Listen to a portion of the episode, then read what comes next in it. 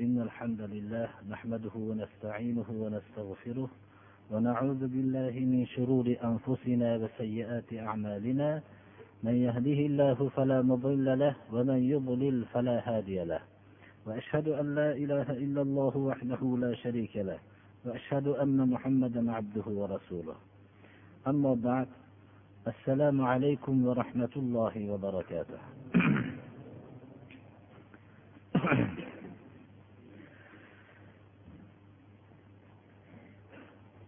استعيذ بالله ألا إن لله من في السماوات ومن في الأرض وما يتبع الذين يدعون من دون الله شركاء إن يتبعون إلا الظن وإن هم إلا يخرصون.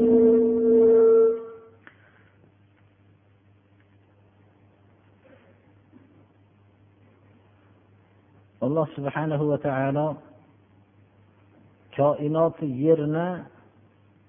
o'zi yaratganligi va bu koinoti yer mulki faqat ollohning mulki ekanligi bilan ogohlantiryapti. Va bu koinoti yerdagi mulkning hammasi olloh subhanahu va taoloning o'ziga xos ekanligini ta'kidlab ogohlantiryapti. Bu oyatning ba'zi o'rinlarda man kalimasi bilan kelishligi ba'zi o'rinlarda ma kalimasi bilan kelishligi. Ma kalimasi ko'proq jonsiz mavjudotlarda iste'mol qilinadi. Man kalimasi bo'lsa jonlik mavjudotlarda iste'mol qilinadi. Ya'ni o'zini zo'ravon sanaganlaru o'zini zaif sanaganlar hammasi ollohning mulki ollohning qabzasida turadi. Alloh subhanahu va taolo xohlagan soatida tamomiy kuchlik va kuchsiz mavjudotni bir soniyada yo'qotib tashlashlikka qodirdir. Lekin inson shunchalik qudratli o'zining molikini esdan chiqarib ollohdan boshqa bir sharik deb davo qilgan narsalarga ollohga qudratda va umuman ollohning sifatlarida sharik bo'lishligi mumkin emas hech ham. Lekin inson davo qiladiki o'zicha zohirda quvvatli deb gumon qilgan narsalarni ko'rishligi natijasida bu narsalarga ibodat qiladida ollohga sharik deb. Ollohdan tashqari sharik deb davo qilgan narsalarga sig'inayotgan kishilar nimalarga ergashyapti? Nimaga ergashyapti bu shariklarga? Ergashish kalimasi bizga shu narsani bildiradiki alloh subhanahu va taoloning buyrug'iga zid bo'lgan buyruqqa ergashish mana bu narsani o'ziga sharik deb isbot qilishlik ekanligi ishora bo'lyapti.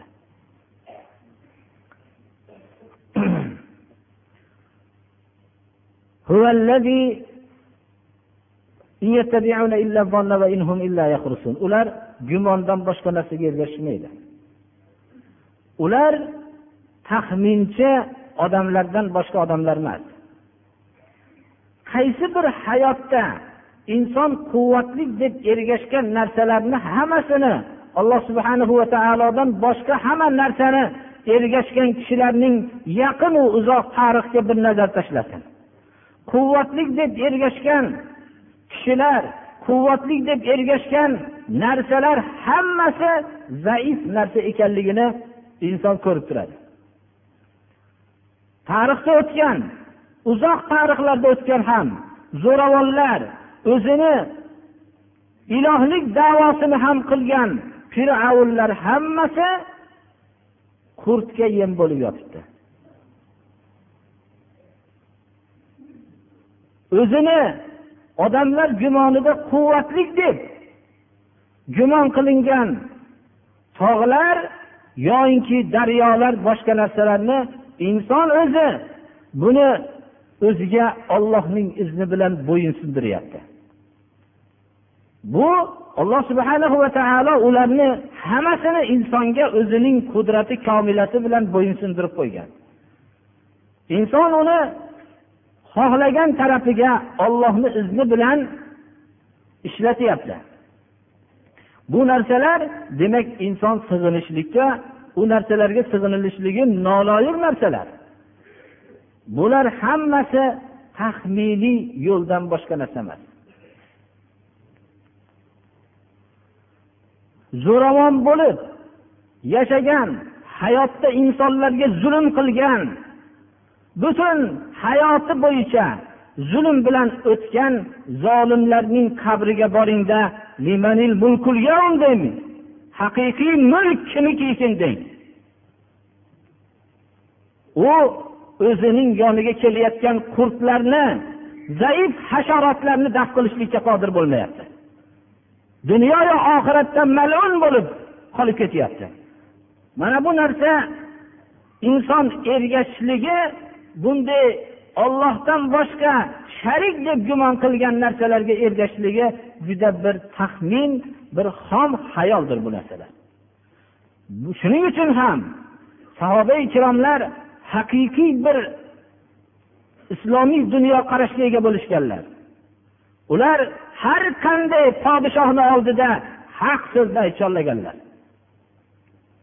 alloh subhanahu va taolo ning yuborgan rasuli ollohning yuborgan yo'li bilan tarbiya qilganlar. Hatto ularni chaqirtirgan eng katta fors hukmdorlari ham ularning og'zidan chiqqan haqiqat so'zlarni ko'rib hayotlarida birinchi marta eshitishgan muso alayhissalom fir'avnni oldiga eng katta inson tarixida o'tgan zolim fir'avnga xitob qila olganlar. Rasululloh sollallohu alayhi vasallam ummatimning shahidlarining eng oliysi zolim podshohga haq so'zni aytolmagan kishi va uning haq so'zi sababli qatl qilib yuborgan bo'lsa bu ummatimning shahidlarini afzali jafar ali hamza atrofida turadi dedilar. Chunki bu haq so'zni aytish bozori chaqqon bo'lganda hamma aytadi birodarlar. Haqning bozori kasad bo'lganda xususan zulm oldida bu haqni bozori yo'qdir birodarlar. Buni xaridori qolmaydi. Mana bu vaqtda haqni o'ziga qadrlik qilib olib yurgan kishi haqiqiy bir alloh subhanahu va taoloning bandasi bo'la oladi. Shuning uchun ham inson ollohdan boshqa sig'inayotgan narsalarni tekshirib ko'rsa ular bir zaif narsalar ular bir oddiy narsalarni ham o'zidan daf qilolmaydigan هو الذي جعل لكم الليل لتسكنوا فيه والنهار مبصرا إن في ذلك لآيات لقوم يسمعون alloh subhanahu va taoloning qudrati sizlarga kechani sukunat orom uchun qildi kecha insonga oromdir Kunduzi har qancha istirohat qiling kechagi istirohatning kechqurundagi istirohatning oz ozginasini sizga bera olmaydi. Shuning uchun sukunatsizlik azobi eng qattiq azob hisoblanadi. Dunyo jinoyatining eng qattiq jazosi ham uyqusizlik jazosini beradi. Bu ham kechqurunda uxlatmaslik jazosi bu jazoning eng qattig'i hisoblanadi. Chunki alloh subhana va taolo kechani insonga sukunat uchun yaratdi. Shuning uchun odamlarda orom yo'qoldi. Chunki kechasi bu sukunat olloh sukunat istirohat uchun yaratdi. Bu istirohat turli ma'nolarda o'taladi inson uning uxlab istirohat qiladi va ibodat qilib istirohat qiladi. Rasululloh sollallohu alayhi vasallam aytganlaridek arihna ya bilal meni bir rohatlantirgin ey bilol derdilar mana bu kechani alloh subhanahu va taolo sukunat oromlanishliginglar uchun yaratdi. Va kunduzni yorituvchi qilib yaratdi. Insonni bu kunduzidagi yorug'likning dunyoning hech qaysi jihozi bera olmaydi birodarlar. Har bir qadamga dunyoning eng kuchli yoritgichini qo'yib qo'yganingizda ham u yo'lni ko'radigan bo'lganlik bilan bu inson alloh subhana va taolo tarafidan yuborilgan kunduzdek yorug'lik berilmaydi. U u kunduzdek yorug'likka mutlaqo o'xshamaydi. Inson kunduzda yorug'lik bilan ko'zi dam oladi. Lekin odam yorug'lik qilgan jihozlar bilan ko'zi toladi. Alloh subhana va taolo kunduzni shunaqa yorituvchi qilib yaratdi. Hamma joyni ko'rsatib turadigan qilib yaratdi. Bu narsada ollohni so'ziga quloq solgan kishilarga ko'p ibratlar bordir.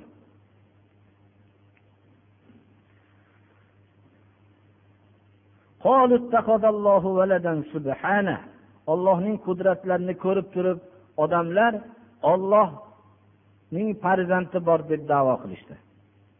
Subhana olloh pokdir. Alloh subhanahu va taolo farzandga muhtoj emas farzanddan behojatdir. Koinoti yerdagi hamma mavjudot ollohning mulkidir. O'ziga xos bo'lgan mulkdir. Sizlarni oldinglarda bu so'zinglarga mutlaqo bir hujjat yo'q. Ollohga bilmagan narsanglarni aytib bo'xton qilasizlarmi? Odamlar bo'xtonidan hatto odamlar bo'xtonni hamma narsaga qilishdi.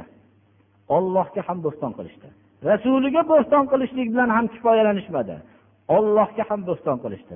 Bo'xtoni shuki ollohning farzandi bor deyishdi.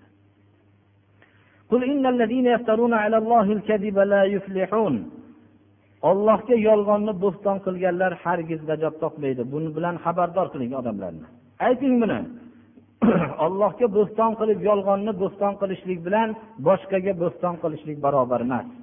Rasul sollallohu alayhi vasallamga bo'xton qilishlik oddiy odamlarga bo'xton qilishlikka o'xshagan emas. Ulamolarga haq yo'lda yurganlarga bo'xton qilishlik boshqalarga qilgan bo'xtonga o'xshagan emas birodarlar. Dunyoda bir ozgina foydalanish. Inson nima uchun bo'ston qiladi? Nima uchun yolg'onlar gapiradi? Nima uchun birovlarning sha'niga aytmagan so'zlarni aytadi deb boradi? Nima uchun? Faqat ozgina hayotda bir foydalanishlik uchun ozgina bir maosh foydalanishlik uchun.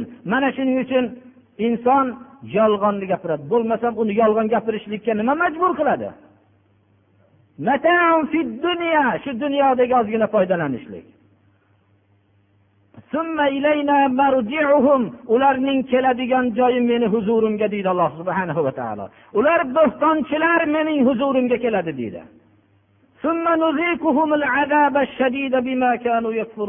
Ollohga kofir bo'lganliklari sababli ollohning buyruqlarini qilmaganliklari sababli bu bo'xtonchi kazzoblarni men qattiq azoblayman deydi alloh taolo. Alloh subhana va taolo qattiq azob degan azob nihoyatda qattiqdir birodarlar. Alloh subhana va taoloning azobini eng yengili jahannamdagi eng yengil azoblanayotgan kishining ikkita tovoniga ikkita cho'g' qo'yib qo'yiladi. Bu cho'g'ning ta'sirida miyasi qaynab turadi. Mana bu jahannamdagi azoblanayotgan kishilarning eng yengilidir.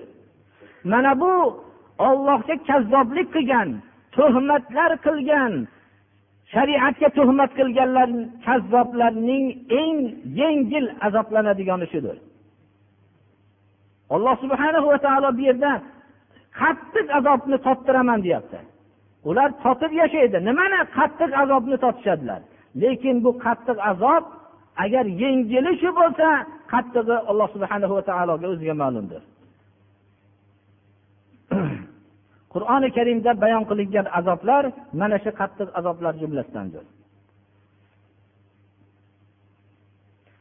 Alloh subhanahu va taologa farzand nisbatlashlik bir juda juda ham bir kizib bir tuhmatdir. Chunki inson farzand inson shu hayot davom etgan sari inson o'zining quvvatidan zaiflashib boradi. U odatda bajarib yurgan ishlarini endi bajarolmaydigan bo'lib boradi. Va shu ishlarning bajarishlik uchun bir farzand quvvatli bir shaxsga muhtoj bo'ladi. U shu farzandidir. Alloh subhana va taolo shu quvvatni hayotdan yo'qotmaslikni iroda qildi. Bu nasl qoldirishlik bilan shu quvvat yo'qolmaydi. Sizdagi yo'qolgan quvvat farzandingizda bo'laveradi. Farzanddagi yo'qolgan kelajak avlodda bo'lib boraveradi. Mana bu bilan inson farzandga muhtoj bo'ladi. Alloh subhana va taolo azaliy abadiy zotdir. Ibtidosi yo'q intihosi yo'q. Alloh subhana va taolo hamma pok ulug' sifatlar egasi bo'lgan zotdir. Bu sifatlarga ega bo'lgan va abadiydir. Bu zot hech qanday farzandga muhtoj emasdir.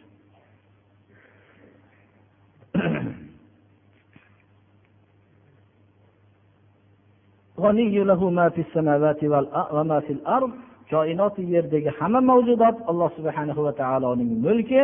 Olloh hech qanday bir quvvatga boshqa narsalarga muhtoj emas. Shuning uchun ham alloh subhana va taoloning farzandi bor degan so'z nihoyatda katta bir tuhmat bo'xtondir bunga hech qanday birovning hujjati yo'q. Chunki farzand farzandning bo'lishligi hammaga ma'lum bo'ladi. Bunga hech qanday hujjati yo'q. Alloh subhana va taologa bular bilmagan narsalarni aytayotgan bo'xtonchilardir bular aytganimizdek bunday bo'xtonni qilayotgan odamlar dunyoda ozgina bir foydalanishlik uchun yashashadi hamma bo'xtonchilarning hayoti dunyo shunday past shunday e'tiborsizki bir tomondan birodarlar dunyo لو كانت الدنيا تزن عند الله مثل جناح بعوضة ما سقى منها كافر جرعة ماء agar dunyoning qadr qiymati alloh subhanahu va taoloning huzurida iskab toparning qanoticha qadrli bo'lganda kofirga bir qultum suv bermagan bo'lardi. Bu dunyoning e'tiborsiz bo'lganligidan kofirga ham shu dunyodan berdi. Alloh subhanahu va taoloning bu so'zini haqligi shuki hayot shunday bir ollohning huzurida e'tiborsiz ekanligining misoli shuki inson tuhmat qilib ham farzand boqadi inson tuhmat kizib bo'xton shular bilan ham hayotda yashaydi. Bu hayot shunchalik dunyo shunchalik e'tiborsizki shu odamga ham tuhmat bilan tiriklik qiladi bir odam. Alloh subhanahu va taolo bu dunyoni e'tiborsiz qildi.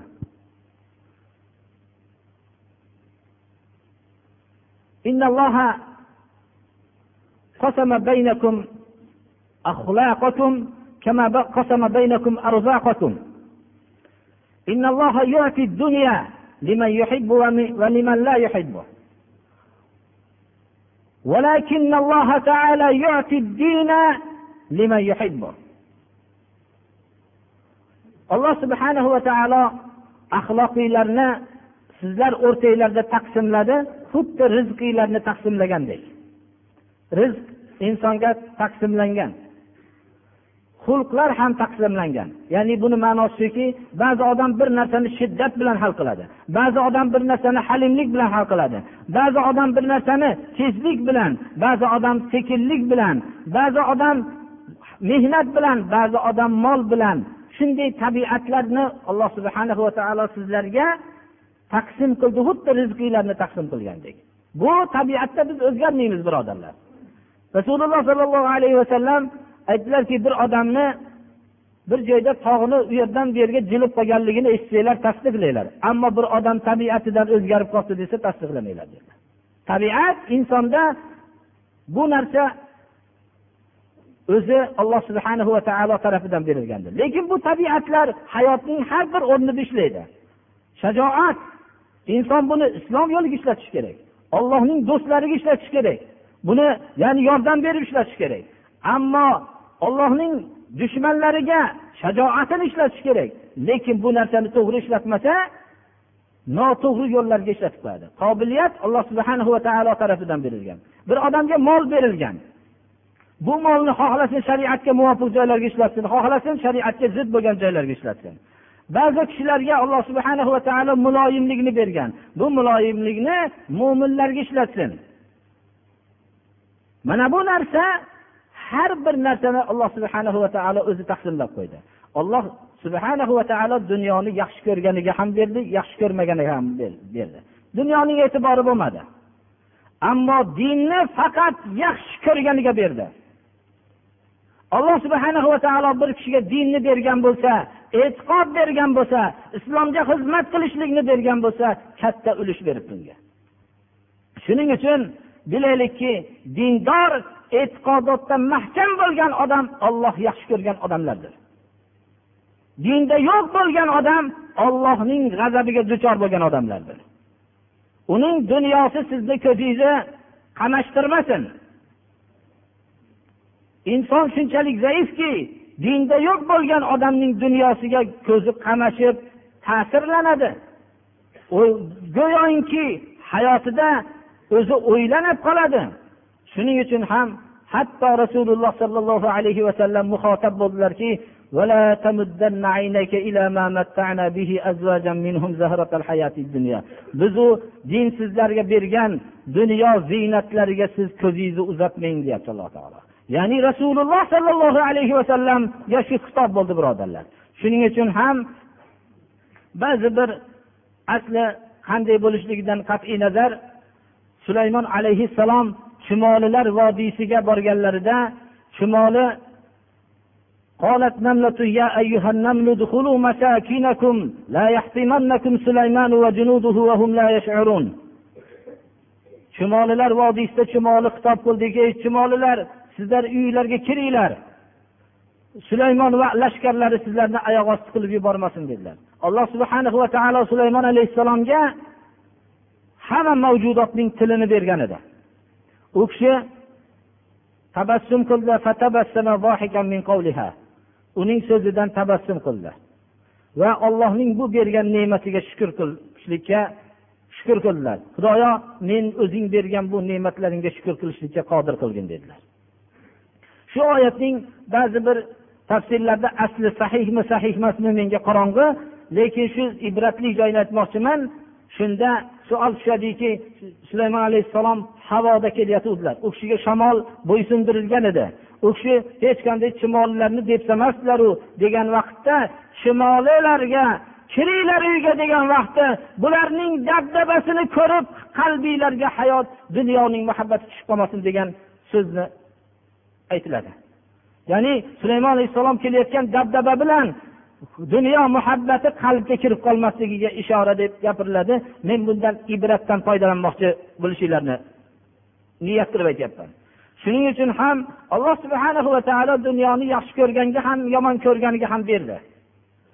Dunyoning men e'tiborliga shu misolni bilinglarki dunyoda inson dunyo shunday joyki tuhmatga ham pul beriladi. Tuhmatga ham inson yashashligi mumkin. Shunday e'tiborsiz narsa. Kizib yolg'on hamma narsaga yashashligi mumkin inson.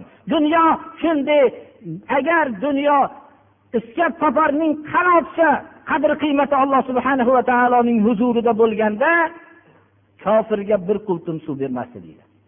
Mana bu narsadan biz o'zimizga ibrat hosil qilmoqligimiz kerak.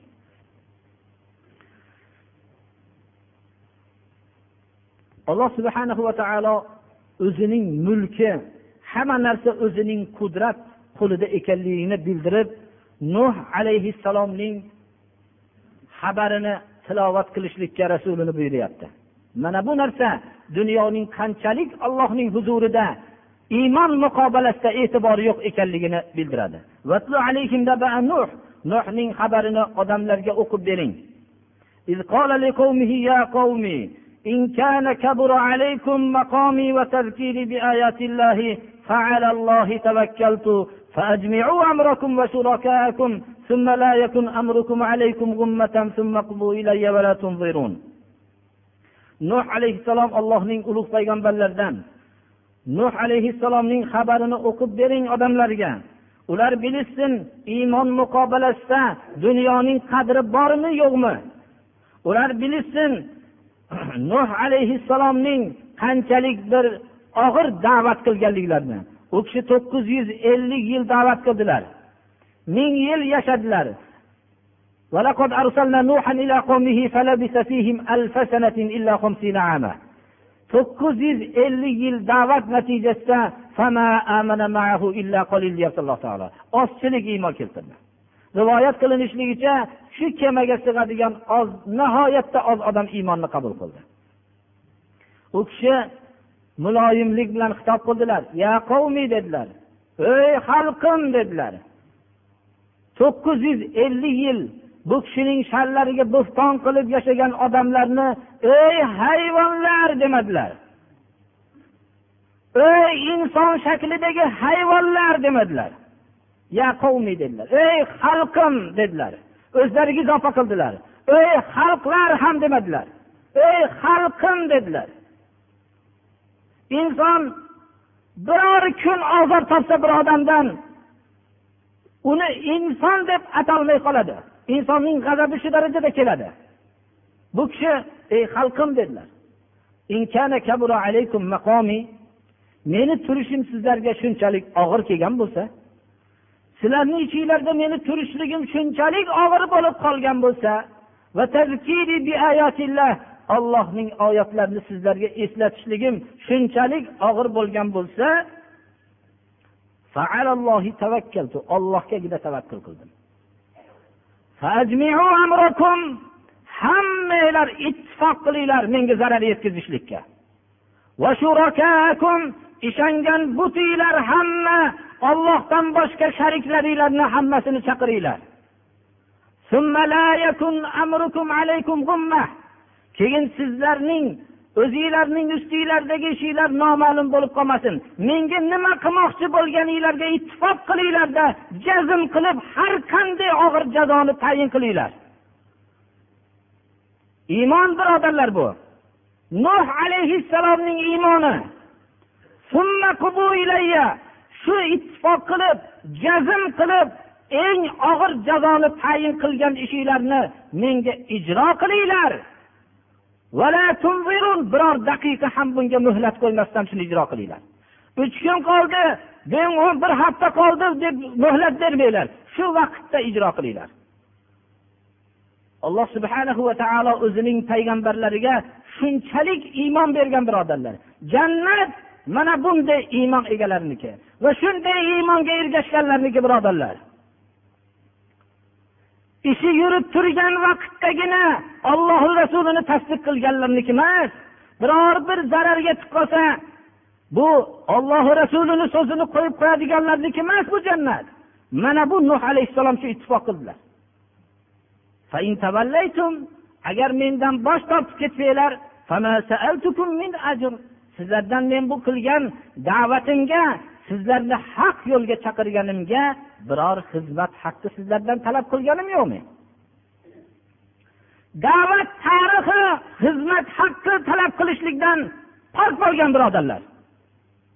Da'vat ollohning yo'liniga da'vat qilganlar biror bir xizmat haqqi talab qilgan emas. Dunyoda hamma kishi o'zining qilgan xizmatiga xizmat haqqi talab qiladi. Ammo payg'ambarlar va payg'ambarlarga ergashganlar haqiqiy ergashganlar da'vatlariga bir zarracha xizmat haqqi talab qilishgan emaslar.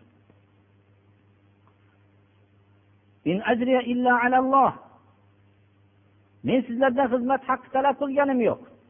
Mening xizmat haqqim lekin da'vatga xizmat haqqi bor. Buni sizlar bermaysizlar olloh beradi.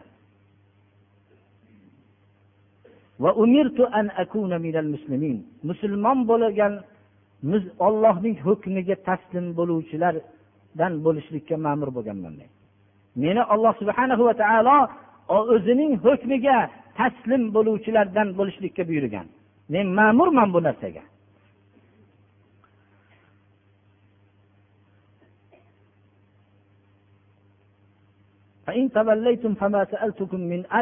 Bir chuqur kalima birodarlar. Agar sizlar bosh tortib ketsanglar menga hech qanday zarar bo'lmaydi. Sizlardan men xizmat haqqi talab qilganimda sizlardan men hurmat talab qilganimda sizlardan men martabalar talab qilganimda sizlardan boshqa bir dunyoviy g'arazlar talab qilganimda sizlar bosh tortib ketsanglar menga zarar bo'lardi. Lekin men bu da'vatni qilganligimga alloh subhanahu va taolo mukofotimni beradi. Demak alloh subhanahu va taolo mukofotimni bergandan keyin sizlarning bosh tortib ketishliginglar yo menga ergashganinglar mening mukofotimni o'zgartira olmaydi. Ana hur qalb. Ana yakka ollohning o'ziga qul bo'lgan qalb birodarlar. Mana bu podshohlik haqiqiy. Mana bunday ollohning qulini haqiqiy podshoh deyishadi.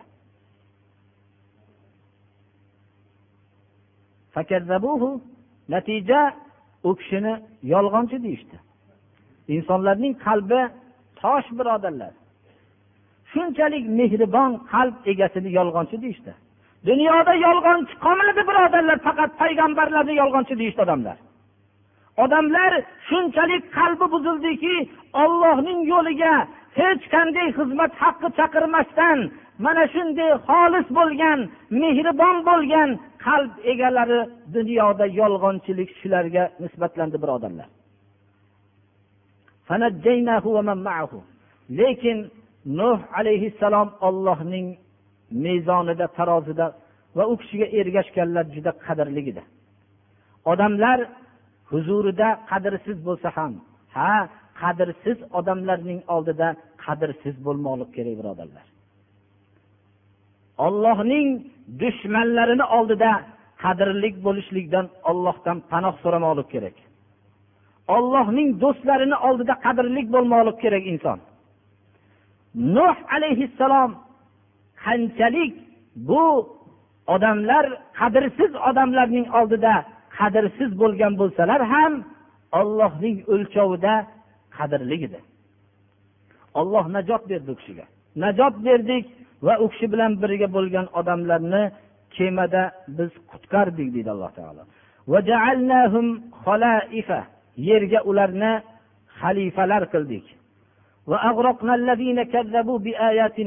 Bizning oyatlarimizni nuh alayhissalom olib kelgan vahiylarni oyatlarni bular yolg'on deganlarni g'arq qilib tashladik deydi alloh subhanahu va taolo. Ogohlantirilgan ogohlantirilgandan keyin ollohni yo'lini yolg'on deganlarning oqibati nima bo'lganligini biling. Qarang ko'ring oqibati nima bo'lganligini. Mana bu narsa bizga bir necha narsani bildiradi.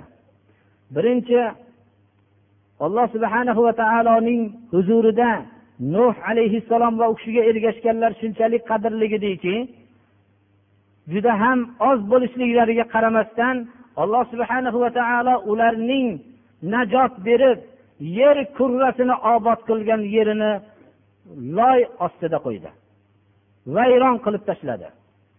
Va bu qolgan oz insonlarni yer yuziga xalifa qildi. Shulardan odamiyat bashariyat shulardan tarqaldi. Bashariyatning qiyomatgacha bo'lgan bashariyatning urug'i bo'lishligini alloh subhana va taolo iroda qildi. Mana bu narsani biz bilmoqligimiz kerak. Ikkinchidan har qanday dinga qarshi bo'lgan odamning azobi ogohlantirilgandan keyin qabul qilmasa kelishligini ham bilmoqligimiz kerak. Demak biz uchun har qanday islomning yomon ko'rgan odamni islom nima ekanligi bilan ogohlantirib tushuntirib qo'ymoqligimiz kerak. Shundan keyin ogohlantirilgandan keyin bu narsani qabul qilmasa alloh subhanahu va taolo tarafidan azob keladi. Mana bu narsani bilmoqligimiz kerak.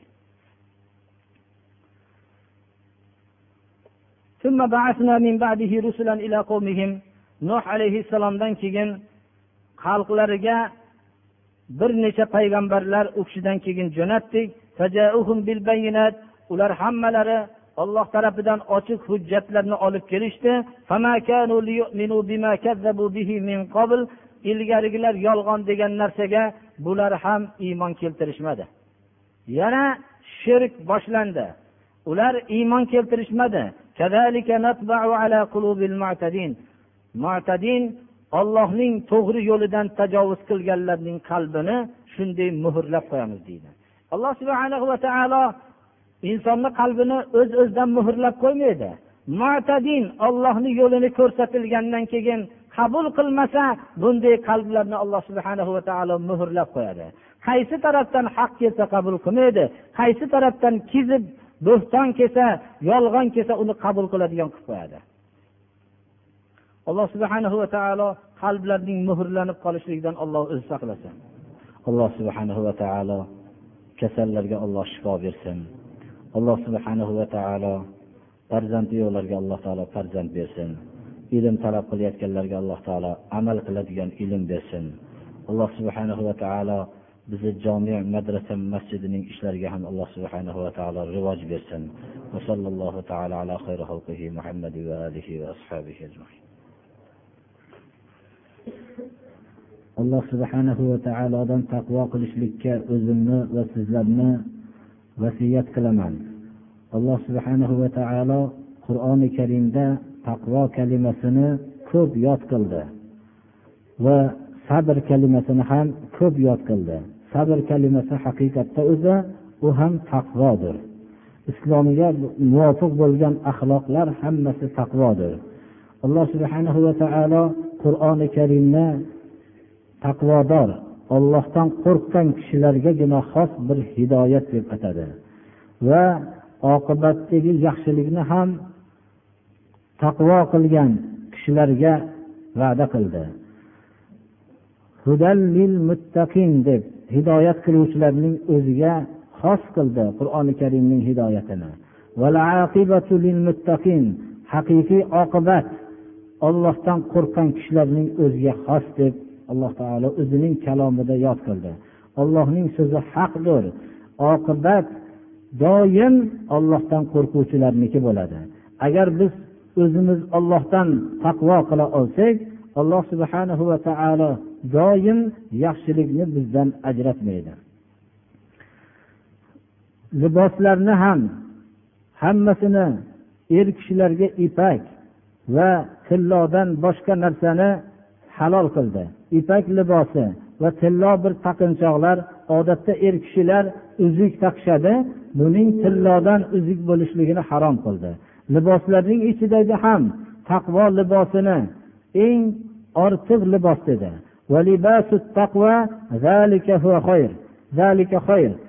Taqvo libosi u haqiqiy yaxshi libosdir deb alloh subhanahu va taolo mana bu o'zini kalomida yod qildi.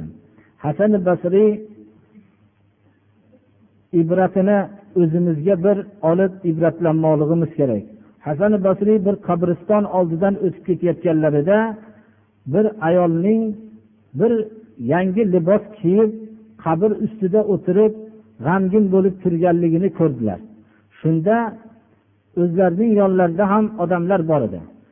Bu ayolning qabrda o'tirib turishligi munkar bo'lganligi uchun hasan basriy va yangi libos bilan kelganligi munkar bo'lganligi uchun ogohlantirganlarida bu ayol javob qildiki bu men qabrda yotgan meni turmush o'rtog'im. Bu meni hayotida mana shu libosda ko'rishlikni orzu qilardi. Shuning uchun shu libosimni kiyib keldim dedi. Hasan basriy hushlaridan ketib qoldi bu so'zdan keyin.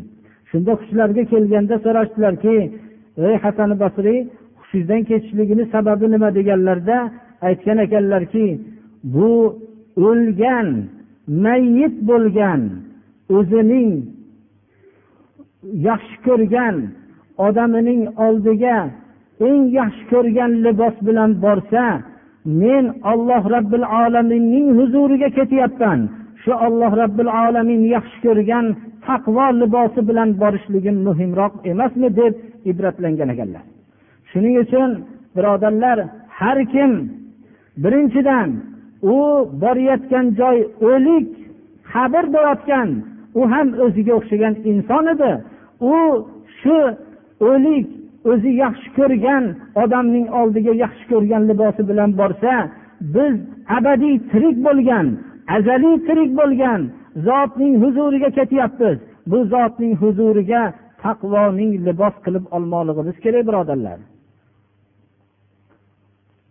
Va o'zining kalomida إن الله وملائكته يصلون على النبي يا أيها الذين آمنوا صلوا عليه وسلموا تسليما اللهم صل على عبدك ورسولك محمد النبي الهاشمي الأوفى وارض اللهم عن الأربعة الخلفاء والسادة الحنفاء أبي بكر وعمر وعثمان وعلي وعن سائر الصحابة أهل الصدق والوفاء.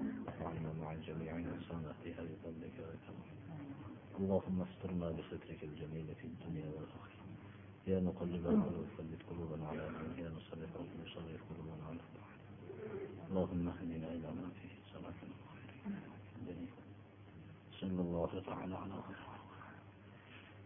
birodarlar bu yerda ko'p savol javoblar bu yerda xatni olishdi bu yerdagi nima shuki ertaga shu yuvmoqchi bo'lgan nimamizni sababi shu hammaga ma'lum bu narsa Shu narsa hozir hech qanday unaqa bir hamma o'zini muvozanatida hech qanaqa gap so'z boshqa narsani nima qilmasdan hammanglardan ertaga talab shuki shu ishtibohlanib yurishlikni o'rniga biz shu gilomlarni yuvadigan bir narsalarni har kim o'zi olib kelsin. Poloslarni yuvadigan narsalarni shuni ishqab yuvadigan tozalaydigan narsalarni har bittalari o'zi olib kelishlarini iltimos qilamiz. Bu yerdan endi topilmaydi u narsalar birodarlar. Shuning uchun har bir ikki kishi uch kishi bo'lib bitta gilonni bitta palosni yuvib tozalab qo'ysak inshaalloh quritadigan joylarimiz bor. Shu yerlarda quritib shu yerga solib qo'yamiz. Bir yangi gilonni solib qo'yganlikni ajrini bersin hammalariga mana shu. Endi mazlum odamni ishi shu bo'ladi birodarlar. Shu nima shular? O'zimiz yuvib tozalab qo'yaveraylik shu narsani. Inshaalloh shu bilan o'zi pokiza bo'lib qoladi hamma narsa. Endi doim namoz o'qilib yurganda ishtibohda yurilmaydi alloh subhanahu va taolo shu o'zi madad bersin alloh taolo shuni pokiza qilib yuvishlikka o'zi alloh boshqa yerda bir olib kelsak degan savollar ham bo'lyapti bittadan yuvib olib kelib bersak yo'q u bir namozni qilib yuvilishlikni bu yerda nima qilamiz o'zi hamma yoqqa yetadi joy inshaalloh